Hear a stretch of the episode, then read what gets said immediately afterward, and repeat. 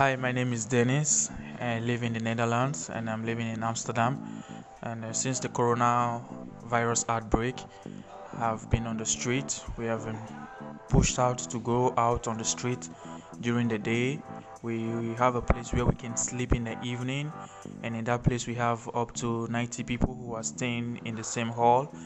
And in the morning, we just have to go out to anywhere we can be. And uh, with the with the fear around the world about the virus and how it is spreading, it is very very difficult for us not to contact the virus. So we are working also with uh, these volunteers who find a place for us where we can sit in the in the afternoon, where we can take lunch, and then in the evening we can go back to where we live.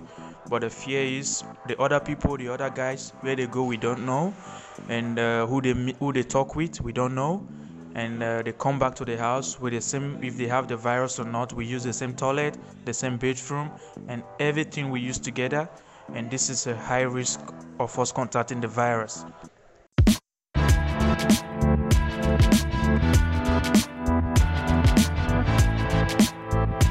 Welkom bij de 69ste aflevering van de podcast van Pakhuis de Zwijger. Mijn naam is Aniek van Rinsum en ik spreek vandaag met Savannah Kolen, activist, oprichter van Stichting Here to Support en medeoprichter van Amsterdam City Rights. Beste Savannah, welkom in mijn woonkamer. Dankjewel. En heel fijn dat je hier wilde zijn. Ja, dankjewel voor de uitnodiging. Ja, zit je een beetje comfortabel aan de andere kant van deze tafel? ja, het is een beetje gek, zo ver weg, maar het, is, uh, het gaat goed. Nou, dat is fijn. Um, Savannah, uh, jij maakt je zorgen en misschien nog wel meer dan de meeste mensen in deze crisis. Want jij werkt met ongedocumenteerden in de stad. Je schreef zelfs op Facebook dat je er eigenlijk niet echt van kan slapen.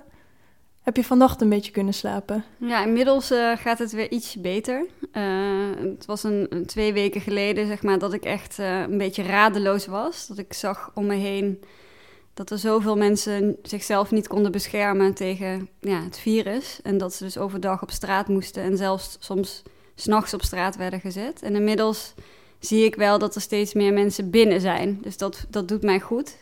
En ja, ik ben iemand die gewoon, gewoon handelt. Dus uh, ik ben van het doen.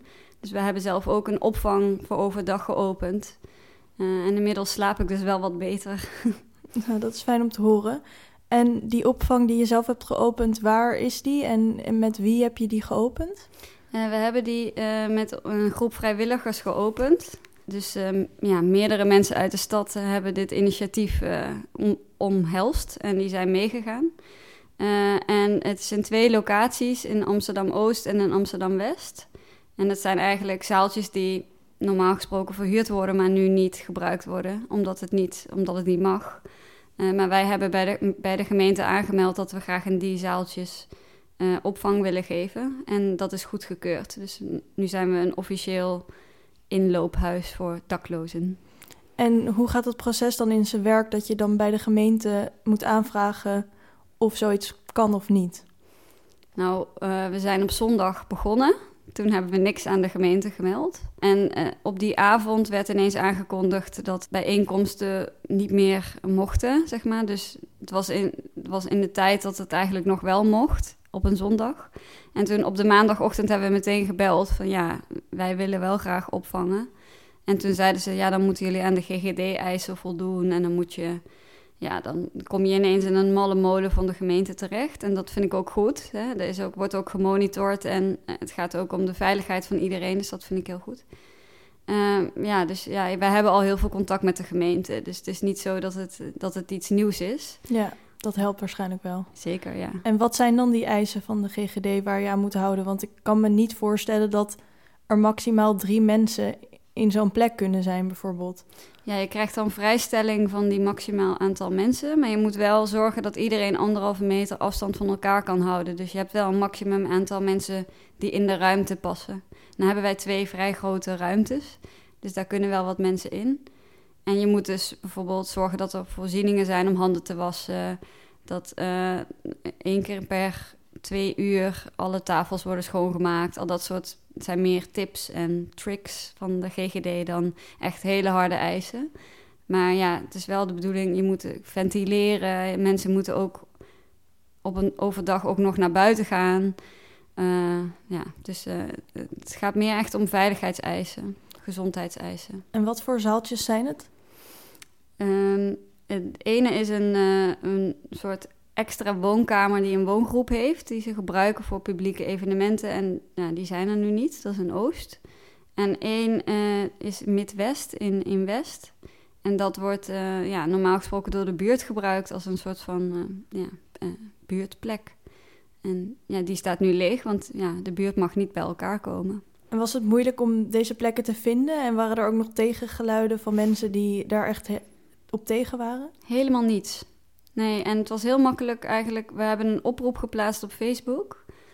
Uh, en ja, daar kwamen eigenlijk al best wel veel reacties op. Want je kan je voorstellen dat er gewoon heel veel plekken leeg staan op dit moment. Dus van sportkantines tot uh, tot uh, scholen, tot um, um, buurthuizen, verenigingsgebouwen. Uh, ja, alles staat leeg op dit moment, want niemand mag bij elkaar komen. Dus ik denk, het is nog nooit zo makkelijk geweest om ruimtes te, te vinden die zichzelf aanboden.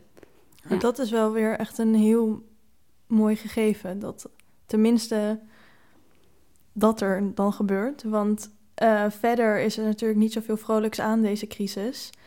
Uh, en COVID-19 raakt sowieso al de minst gezonde mensen, omdat de ziekte het meest fataal is voor mensen die al een slechte gezondheid hebben. Mm um, maar het raakt ook de meest gemarginaliseerde groepen in de samenleving. Uh, kan jij uitleggen hoe dat zit?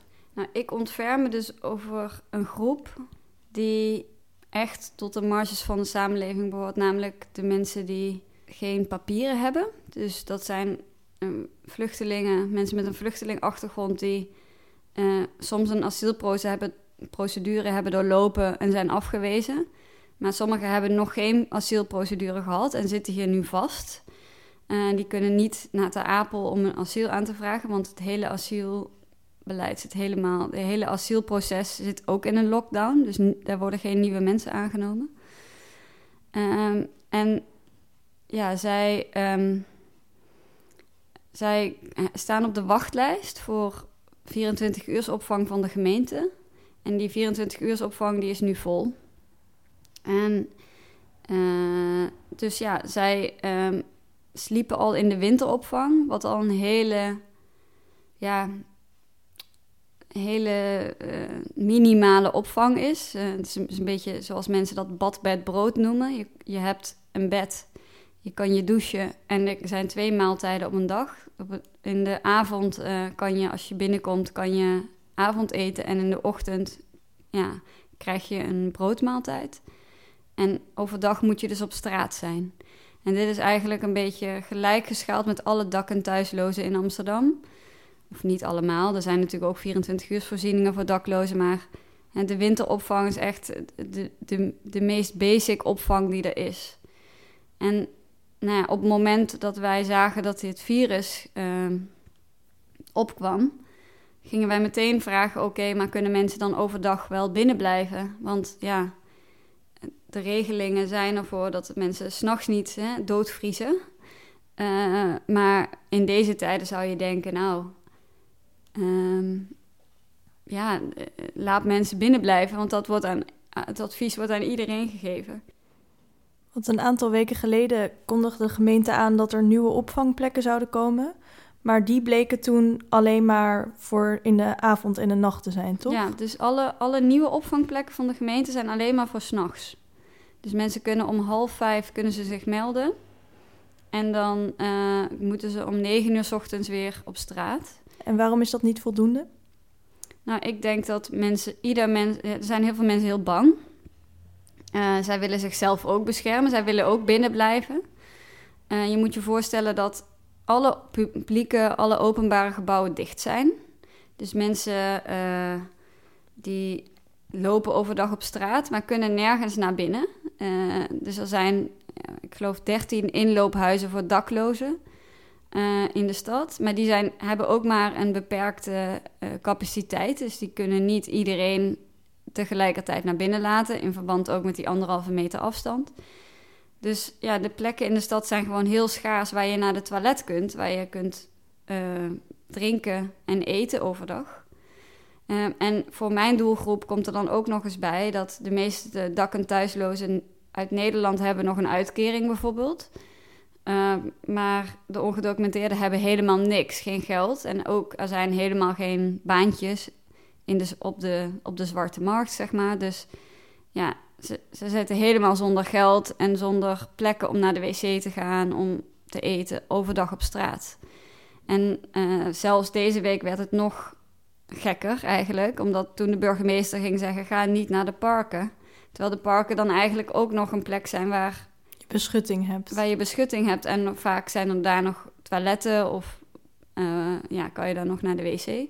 Ja. En dus toen ik vertelde aan uh, de jongens die wij dan nu opvangen van ja, jullie kunnen, de burgemeester zegt blijf binnen.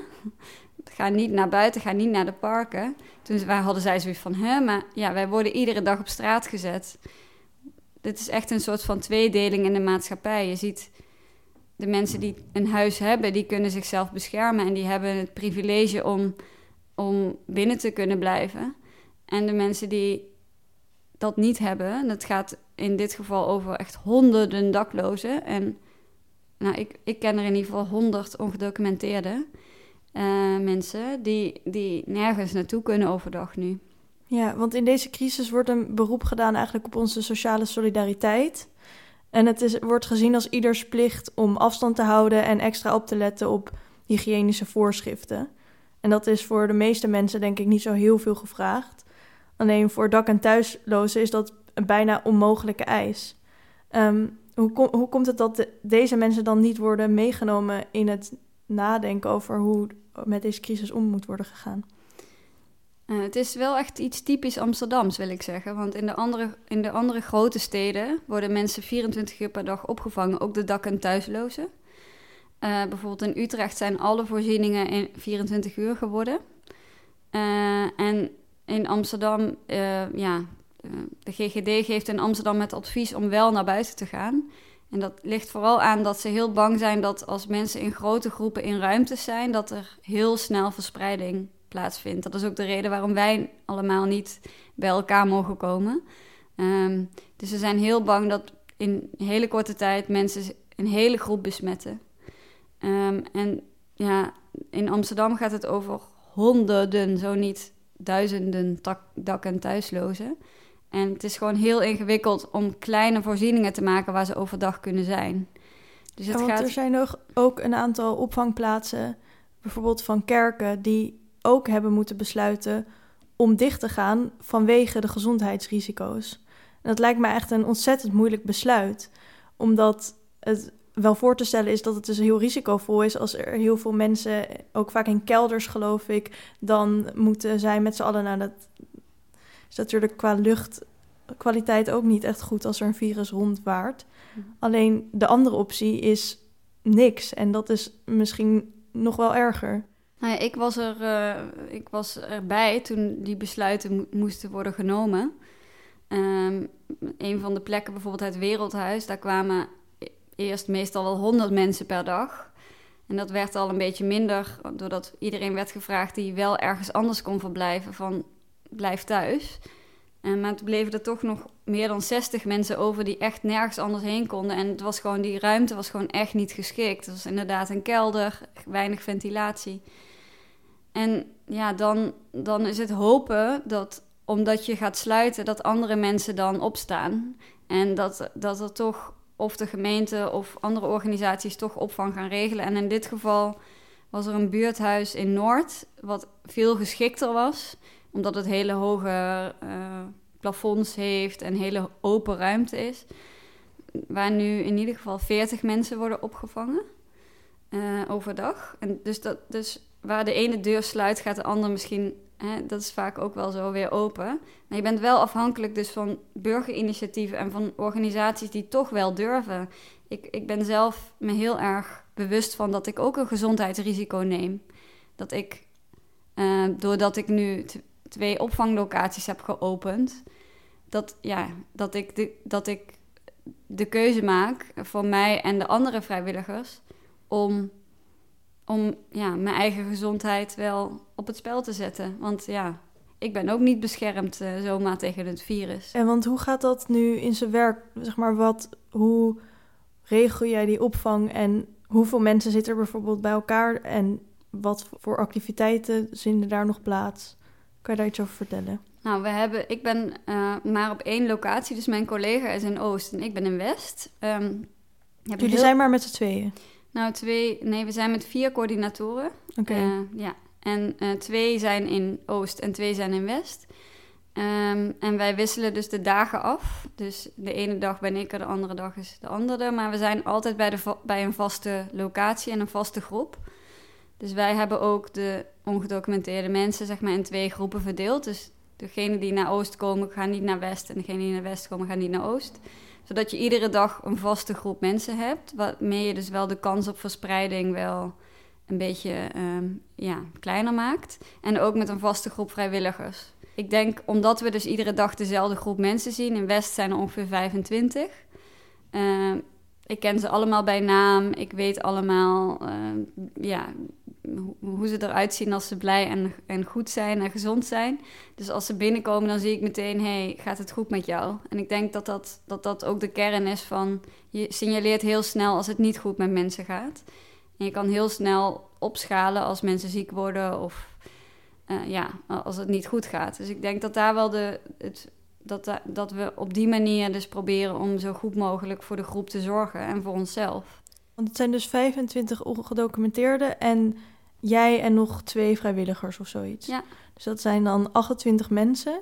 En jullie houden ten alle tijde anderhalve meter afstand van elkaar? Uh, nou, we proberen zoveel mogelijk afstand van elkaar te houden. En er zijn dus een aantal jongens die want we hebben uh, in West bijvoorbeeld alleen maar uh, jongens en vooral hele jonge jongens. Dus tussen de 18 en e ja, 21 is de grootste groep. Dus dat zijn hele jonge, ja, hele jonge gasten die, die ook elkaar eigenlijk als een soort broers beschouwen. En eigenlijk ook zo samenleven. Dus er zijn een aantal mensen die niet ten alle tijde anderhalve meter van elkaar afstand houden. Maar die hebben dan ook verder rest niemand anders. Dus ik zie dat eigenlijk als een soort van gezinssituatie. Als een soort van, uh, uh, ja, uh, nou ja, ze zijn gewoon dicht bij elkaar. En, maar ze zien ook echt niemand anders. Ze komen naar onze opvang in de ochtend en ze gaan terug naar de sporthal waar ze slapen. En ja, ze zien ook niemand anders. Ze komen ook niet in een supermarkt. Ze hebben namelijk geen geld. Dus ze, ze, zijn, ze zijn op straat. En nou ja, daar houden ze anderhalve meter afstand van alle andere mensen. En ze zijn bij ons. Ja, ze zijn nieuw in de stad. Het zijn vaak vluchtelingen die hier pas heel kort zijn. Ze kennen de stad niet. Ze, kennen, ze hebben hier helemaal geen netwerk. Ze kennen de taal niet. Dus, dus de kans dat zij met andere mensen in aanraking komen is bijna, bijna nul. Ja. En hebben jullie nog een soort van maatregelen dan, of een soort van regels van: oké, jullie zijn een gezin, uh, maar dan moet je dus wel afstand houden met je vrienden die dan niet echt je gezin zijn. Ja, klopt. We hebben dit soort gesprekken. Er is ook een arts van de uh, Dokters van de Wereld bij ons langs geweest om helemaal uitleg te geven over uh, wat is uh, corona, hoe kan je jezelf beschermen, waarom is het belangrijk om afstand te houden, wat is een virus, hoe werkt dat, hoe kan je jezelf gezond houden. En is dat dan in het Engels? Ja, de lezing was in het Engels, maar we hadden wel twee, zowel Arabisch als de Grinja vertalers. Dus, Oké, okay, dat is heel goed. Ja, ja, ja, ja. Want er waren ook heel veel vragen. Het heeft die, die dokter kwam langs en het heeft anderhalf uur geduurd, omdat er zoveel vragen waren. Ja, dat kan me voorstellen. Ja. En hebben jullie erover nagedacht om dus jullie opvang, wat dus die mensen overdag opvangt, dan 24 uur te maken? Dus dat ze niet terug hoeven naar die sporthal? Ja, dat zou ik het liefste willen. Uh, omdat ik denk dat het de kans op besmetting echt, het, echt heel veel minder maakt. Omdat als mensen teruggaan naar een sporthal, dan zitten daar weer... In die sporthal wonen 100 mensen, dus dat is best wel, best wel heftig. Ja. In twee groepen verdeeld van 50. Maar een opvangrunnen voor s'nachts is ook wel weer iets anders dan overdag. Dus ik ben ook wel heel blij dat de gemeente dat wel doet. Zeg maar, die nachtopvang wel organiseert. Um, ik zou wel eigenlijk het liefst willen dat zij gewoon onze groep in een kleine groep ergens zouden opvangen in plaats van in zo'n sporthal. Maar ja, de gemeente is op dit moment echt alleen maar bezig met de, ja, de, de basis. Dus eh, in grote sporthallen toch, toch de basis eh, voor, voor heel veel mensen. Want er komen, gaan weer nieuwe sporthallen open. Er blijven ook nieuwe daklozen komen. Er blijven eh, nieuwe mensen dakloos worden in de stad. Ja. Zeker omdat ze hun huur niet meer kunnen betalen. Of omdat, ja, dus dat is echt wel. Ze zijn alleen maar bezig nog met opschalen in plaats van met het beter maken in kleinere groepen. Ja, en je, zei, je zegt dus dat het vooral jonge jongens zijn die jij opvangt. Ehm, die, nou, als je tussen de 18 en 21 hebt, dan heb je denk ik nog best veel energie. Wat doen zij de hele dag om zichzelf bezig te houden? Nou, we hebben drie keer in de week Nederlandse les. Dan komt er een Nederlands docent en die gaat uh, Nederlandse les geven. Uh, we hebben um, heel veel spelletjes bedacht die we allemaal kunnen doen op anderhalve meter afstand. kan je er eentje uitleggen? kan je er één vertellen? Nou, bijvoorbeeld blokjesvoetbal of uh, um, tafeltennis. Of, uh, oh ja, slim. Ja. Maar wat is blokjesvoetbal? Ja, dat je ver uit elkaar staat en een blokje voor je neerzet en dan met een bal gaat schoppen en dan wie het... Oh ja, dat ja. heb ik volgens mij wel eens gedaan op de basisschool. Ja, klopt, ja. Dus dan moet je het blokje van de ander omver schieten. Ja. Oké, okay. leuk. Dus uh, we proberen ook in kleine groepjes dan naar een pleintje om de hoek te gaan en dat even ja, een beetje energie kwijt.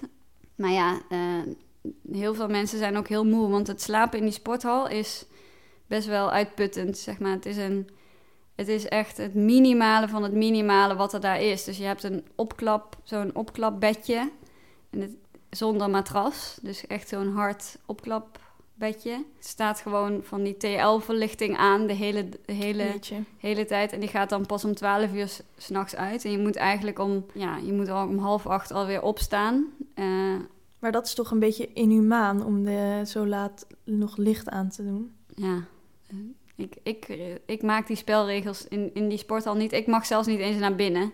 Dus uh, ik, ik ben er ook nog nooit naar binnen gemogen.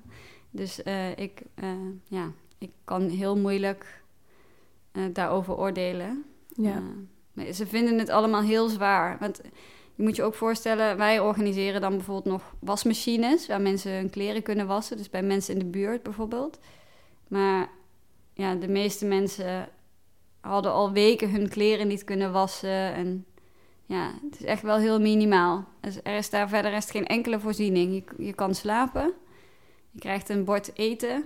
Je krijgt als je naar buiten gaat in de ochtend een zakje met boterhammen mee. En die moet je dan op straat opeten. Het is echt wel heel minimaal. Ja, begrijp het. Ik zie het niet echt meer gebeuren, maar stel er komt een complete lockdown. Dat je echt niet meer op straat mag, tenzij je echt noodzakelijkerwijs op straat moet zijn. Mhm. Wat gaat er dan met al die dak- en thuislozen gebeuren? Ik denk dat de gemeente dan ook moet. De gemeente zal mensen dan overdag ook moeten opvangen. Ik ga ervan uit dat de gemeente dan in de sporthallen noodvoorzieningen gaat maken, zodat mensen in de sporthallen de hele dag kunnen blijven. En maak je dan zorgen om die voorzieningen? Want stel, ze moeten daar 24 uur per dag blijven, maar ze hebben alleen maar zo'n stretcher en twee maaltijden en verder niet eens een douche of een wasmachine dan wordt het bijna een gevangenis die je in Nederland niet zou tegenkomen. Ik maak me daar heel veel zorgen over. Ik hoop ook eigenlijk wel dat we daar niet heen gaan, dat we die lockdown kunnen voorkomen. Want ik zie ook wel dat uh, bij de jongens die wij nu opvangen gaat het best wel goed. Ze komen overdag bij ons en ze hebben een veilige plek en ze kunnen naar de wc. Ze krijgen een lekkere maaltijd als lunch en ja, ze kunnen een beetje leren en we zorgen gewoon dat het goed met ze gaat. Dus dat is wel fijn. Uh, ik wil er wel bij zeggen dat het niet genoeg is. Dat we gewoon, wij vangen dan ongeveer in twee locaties, zeg maar, 40 mensen op. Uh, en er zijn nog steeds heel veel dak- en thuislozen en heel veel ongedocumenteerde mensen die geen plek hebben. Dit is het maximale wat ik kan doen met mijn groep vrijwilligers. En ik zie nog steeds dat het niet genoeg is. Dus ik, uh, ik maak me daar wel echt heel veel zorgen over.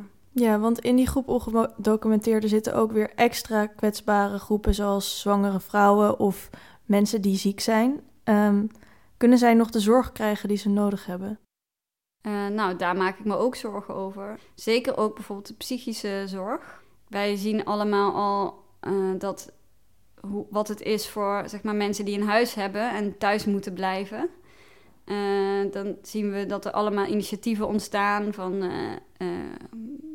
bel maatschappelijke hulp, dat je, dat je, dat je kan bellen en eh, dat soort dingen. Maar, maar voor ongedocumenteerde mensen is het heel minimaal. De meeste mensen hebben niet eens een telefoon of hebben geen beltegoed.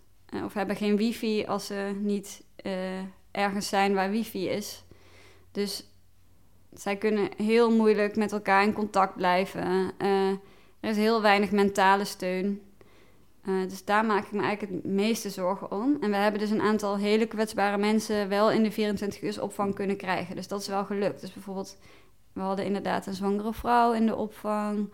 Uh, een, uh, een aantal zieke mensen. En het lukt vrij goed om via de gemeente om daar hulp voor te krijgen, zodat ze niet overdag op straat zijn. Oké. Dus dat, daar ben ik wel blij mee. Uh, Ja. niet, op- niet bij alle casussen lukt dat. Maar uh, Ja. ik heb bijvoorbeeld één wat oudere man nu in de opvang zitten die hele hoge bloeddruk heeft. En ja, daar gaat het gewoon echt niet goed mee. Die heeft de hele dag zo'n hoofdpijn. En ja, ik gun deze man echt dat hij gewoon ergens binnen kan zitten. Dat gun ik hem zo erg. En dan vind ik heel erg dat we... Dan schaam ik me wel echt voor de stad dat dat gewoon niet lukt. En er zijn op dit moment geen GGD-screeningen voor 24 uur eh, opvang. Dus eh, we moeten dat via via regelen. Zijn er ook huishoudens die eh, mensen opvangen?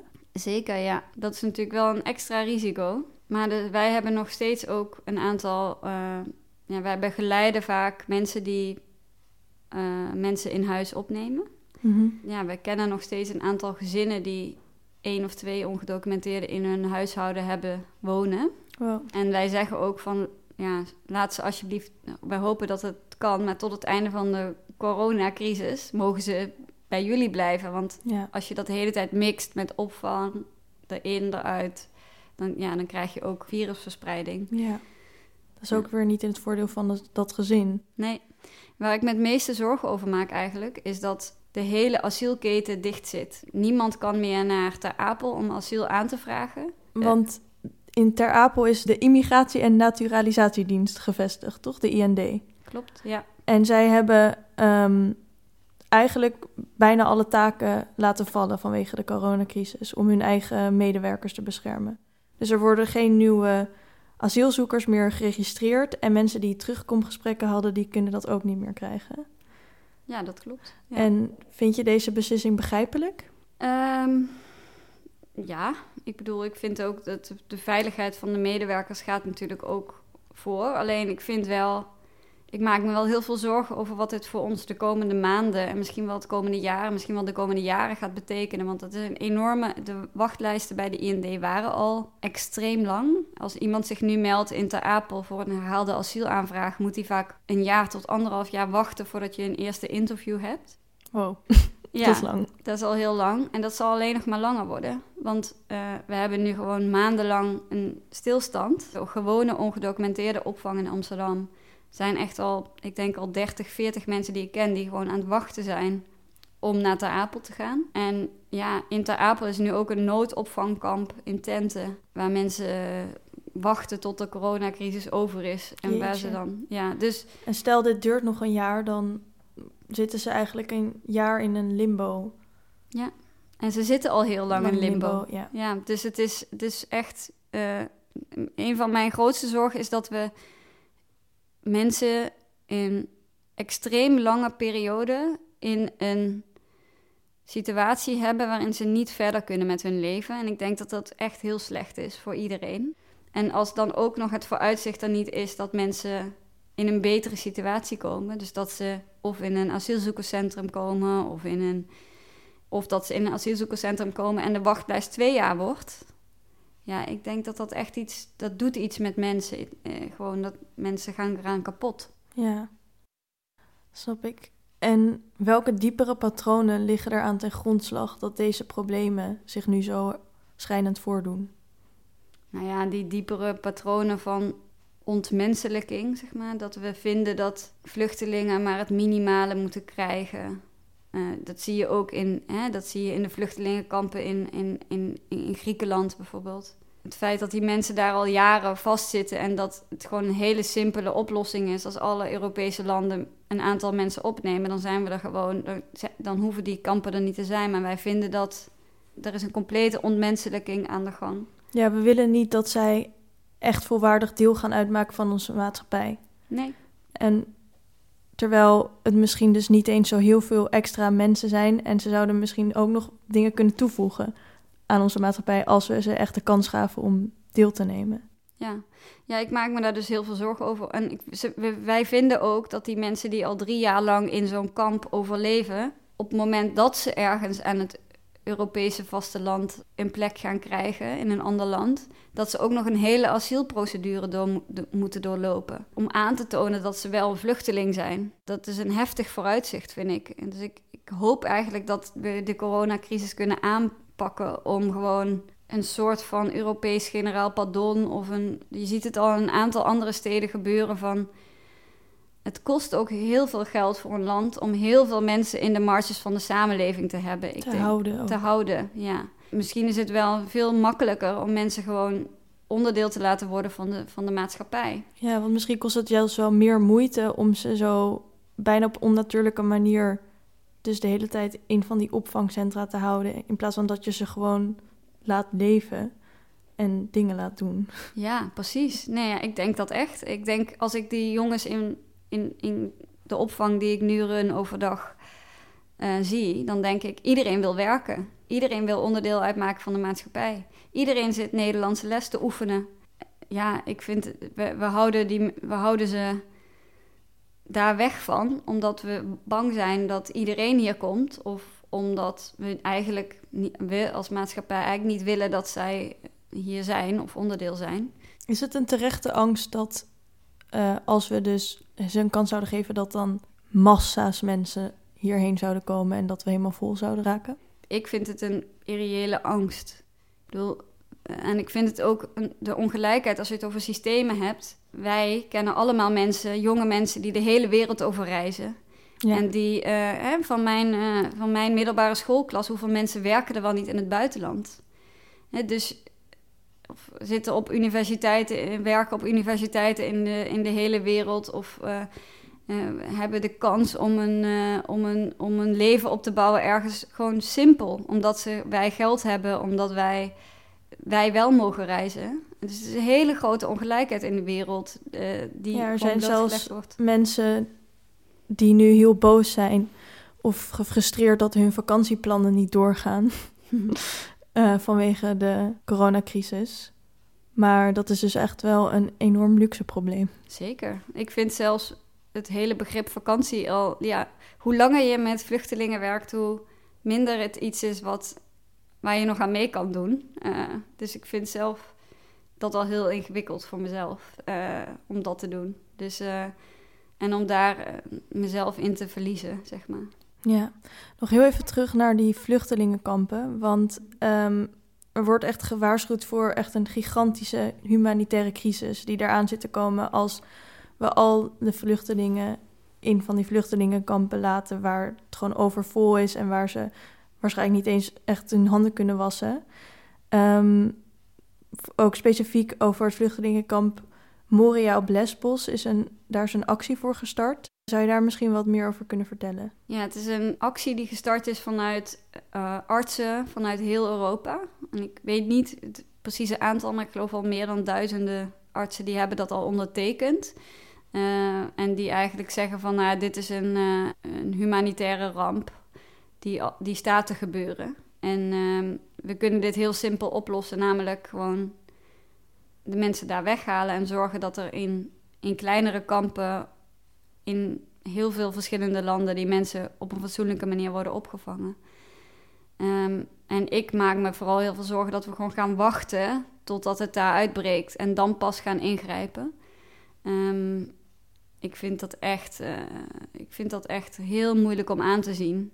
Dat het gewoon zo lang duurt en zoveel acties nodig zijn om regeringen wakker te schudden. Uh, en, want we kunnen dit gewoon. Het is, het is, Wat kunnen wij doen? Wij kunnen meehelpen, actie voeren. Ik denk via sociale media, um, onze leiders oproepen. Um, want ik denk echt dat als het daar nu uit gaat breken, dan zijn we gewoon te laat. Weet je? Dan is het ook heel moeilijk om mensen nog te verplaatsen. En dan, dan is die ramp niet te overzien. Gewoon echt niet Nee. te overzien. En ik zie al wat het met mensen doet hier in Amsterdam. En mensen hebben dan nog een bed. Eh, of nog nou ja, een stretcher. Een, een opklapbedje. Ehm, ik zie wat het met mensen doet. Dat ze gewoon angstig zijn. Dat ze zichzelf niet veilig kunnen wanen. Dat ze zichzelf niet kunnen beschermen. Ehm, en ik, ik, ja, ik denk dat de mensen in op Lesbos, op Moria, gewoon doodsbang zijn. En dat het ook voor, voor vrijwilligers en voor vrijwilligersorganisaties en voor NGO's ook steeds moeilijker wordt om te blijven helpen. Ik voel dat zelf ook heel erg. Ik, ik, ik heb afgelopen weken ook wel in wakker gelegen s'nachts van de gedachte: hoe kunnen we nog helpen? Het wordt steeds moeilijker. Het wordt steeds ingewikkelder om er wel te zijn in de ochtend. En er wel te zijn omdat je jezelf ook wilt beschermen. Ja, ik had dus ook... Mijn vader die valt in de risicocategorie. En we hadden op een gegeven moment ook een gesprek van... Ja, is het nog wel oké als ik bij je langskom? En we hebben toen in eerste instantie ook besloten... dat we elkaar gewoon niet meer gingen zien. Alleen, hij is ook een beetje een koppige babyboomer. Dus hij is op een gegeven moment ook gewoon weer uit huis gegaan. En nu hebben we besloten dat ik wel gewoon nog bij hem langskom... en dat we afstand houden. Omdat ook die mentale gezondheid bijna net zo belangrijk is.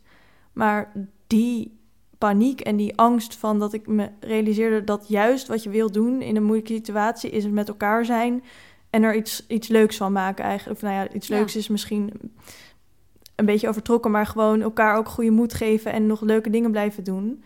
En als juist dat van je wordt afgepakt... nou, dat is echt onwerkelijk. Ja, en ik denk als ik een beetje in de hoofd van de jongens kruip die, die wij opvangen. Zij zijn net nieuw in dit land. Ze spreken de taal niet. Ze hebben alleen elkaar. Ehm, en als wij er dan heet het als politie bij gaan staan... van je moet anderhalve meter afstand houden... en je mag alleen nog maar alleen over straat. Als jij geen telefoon hebt of je hebt geen beltegoed... en je hebt geen manier om je te nav- Je kent de stad helemaal niet. Dat is bevreemdend. Heel bevreemdend en beangstigend en eh, onbegrijpelijk. Eh, ja, daar hoort een hele andere zorg bij, eh, denk ik. En dat proberen wij wel te doen. Een veilige plek en zorgen dat mensen beltegoed hebben. Zorgen dat mensen overdag kunnen eten. Ja, dat ze niet die stress hebben van waar moet ik naar de wc? Waar Ja. moet ik, hoe, hoe, hoe kan ik, hoe, wat als ik ziek word? Wie moet ik dan bellen? Gewoon, er is zoveel angst. Ja, en voor nu zijn jullie bezig met een lobby voor een dag- en nachtopvang. Ehm, waar, waar zijn jullie nog meer mee bezig? Nou, ik, ik heb eerlijk gezegd het idee dat dat echt niet gaat lukken. Dus dat, ik vind het ook... Ik ga het niet opgeven. Ik zal altijd blijven roepen dat 24-uursopvang de enige humane oplossing is. En ik vind ook eigenlijk wel dat de gemeente dit moet regelen. Ik vind het ook heel gek dat de GGD zo'n andere adviezen geeft voor dak- en thuislozen. Ja, ik, ik ben verder vooral nadenken van... Wat, wat als het dadelijk... Die, hè, wat als we dadelijk weer wel de straat op kunnen... en wat als de IND wel weer eh, open gaat? En hoe kunnen we zorgen dat... Wat voor acties hebben we, wat voor radicale acties zijn er nodig om te zorgen dat het in de komende jaren niet op een, op een ramp gaat uitlopen? Dus ik, ben, ik, ben, ik merk dat ik steeds meer met mijn hoofd richting de toekomst ga. En wat En- voor rampen heb je het dan over? Nou, dat mensen dus jarenlang in onzekerheid zitten, in een, in een limbo, in een limbo, omdat, omdat er enorme wachtlijsten gaan ontstaan. Ja, En ik denk dat de enige oplossing eigenlijk gaat zijn dat we gewoon een heel groot gedeelte van de mensen een soort generaal pardon gaan geven. Of versneld in een procedure laten gaan. denk je dat het mogelijk is? Nou, je ziet dus dat ehm, in een aantal andere landen, dus in, in Frankrijk, is de roep er al om. Van laat, haal de mensen zo snel mogelijk uit de gemarginaliseerde positie waar ze in zitten. Dus zorg dat ze verzekerd zijn, dat ze een tijdelijke verblijfsvergunning hebben. Dus in, in- bijvoorbeeld in Frankrijk en Portugal loopt die discussie al. En ik denk echt dat we daar naartoe moeten, ook in Nederland. Zo'n grote groepen onverzekerd eh, in, in, in deze gemarginaliseerde positie laten, laten leven, is gewoon echt niet goed. Eh, voor niemand niet. Jij stapt zo weer op je fiets en dan ga je naar de opvang in West. Ja, klopt. Wat staat er vandaag op het programma? We, hebben, we gaan vandaag tekenen. We hebben allemaal tekenmateriaal. eh, van kleurpotloden tot eh, eh, stiften, tot eh, we, gaan, we willen een eigen t-shirt eh, lijn ontwikkelen. Dus, Leuk. ja, dus het is echt wel ook een beetje activistisch. De campagne verder vormgeven. Ehm, Welke campagne? nou, de campagne om nou ja, dat zij in ieder geval voor hun eigen rechten kunnen opkomen, dat vind ik heel belangrijk. Dus dat zij onderdeel zijn van het narratief over wat er over hun. Ja, ik zit hier nu te praten omdat ik ze niet allemaal mee kan nemen. Maar ik vind het heel belangrijk dat zij zelf hun stem kunnen laten horen. En in ieder geval kunnen laten weten aan de wereld dat zij er, dat zij er zijn. En dat zij hulp nodig hebben. En dat er op een andere manier met hun moet worden omgegaan. Dus ehm, er is vanmiddag, eh, ja, we gaan, eh, we gaan tekenen. Ja, het- volgens mij wordt het heel leuk. Ze zijn allemaal super enthousiast en creatief. Dus eh, ik ben heel benieuwd wat eruit gaat komen. En we hebben ook een eh, Facebookpagina waarin we best wel veel delen. Amsterdam City Rides. Ehm, en daar zullen we ook, ja, daar laten we best wel veel zien wat we in de opvang doen. Leuk. Ja. Is er nog iets wat je aan onze luisteraars wil meegeven? Nou, ik vind het heel ingewikkeld, omdat ik denk, de Amsterdammers zijn niet echt aan zet nu. Ik voel zelf wel dat ik me geroepen om in te grijpen en te doen. En daar voel ik me heel prettig bij, dat ik dat kan. Maar ik denk eigenlijk dat Amsterdam gewoon aan zet is om veel beter voor mensen in de marges van de samenleving te zorgen. En dat betekent dus wel ook de politiek en ook, ook de regering. Ik denk, eh, ik vind het eh, bijzonder dat de steden zo eh, met deze situatie opgescheept zitten. En dat Amsterdam ja, moet roeien met de riemen die, die we hebben. Dus ik vind het heel moeilijk om de luisteraars... En, en ik denk in ieder geval verplaats je, verplaats je in de mensen die dus niet zich kunnen beschermen. En als het kan, zorg dat ze, dat ze wel bescherming kunnen vinden. Ja. Gelukkig gaan we op 9 april in de livecast als thuisblijven niet mogelijk is, ook met bestuurders in gesprek. Dus ja, heel goed. hopelijk komt daar nog iets, iets uit. Ja. Ja, ik denk ook dat het voor bestuurders super moeilijk is om, je, om een inschatting te maken van wat dit voor mensen betekent en hoe lang dit gaat duren. Het is allemaal heel erg eh, heel ingewikkeld. Ik zou ook op dit moment geen bestuurder van de stad willen zijn. Ik ben blij dat ik een Amsterdammer ben die gewoon nog initiatief kan nemen. Eh, het lijkt me heel moeilijk om voor, zoveel dak- en thuislozen iets te organiseren. Ja. Nou, heel erg bedankt dat je hier te gast wilde zijn. Savannah Kolen. Dankjewel. Beste luisteraars, dit was de 69ste aflevering van de podcastserie van Pakhuis de Zwijger. Meer weten over dit onderwerp? Kijk dan op donderdag 9 april om half negen naar de livecast genaamd Als thuisblijven niet mogelijk is, via het Facebook of dezwijger.nl slash live. Of bekijk onze livecast op AT5 of Salto.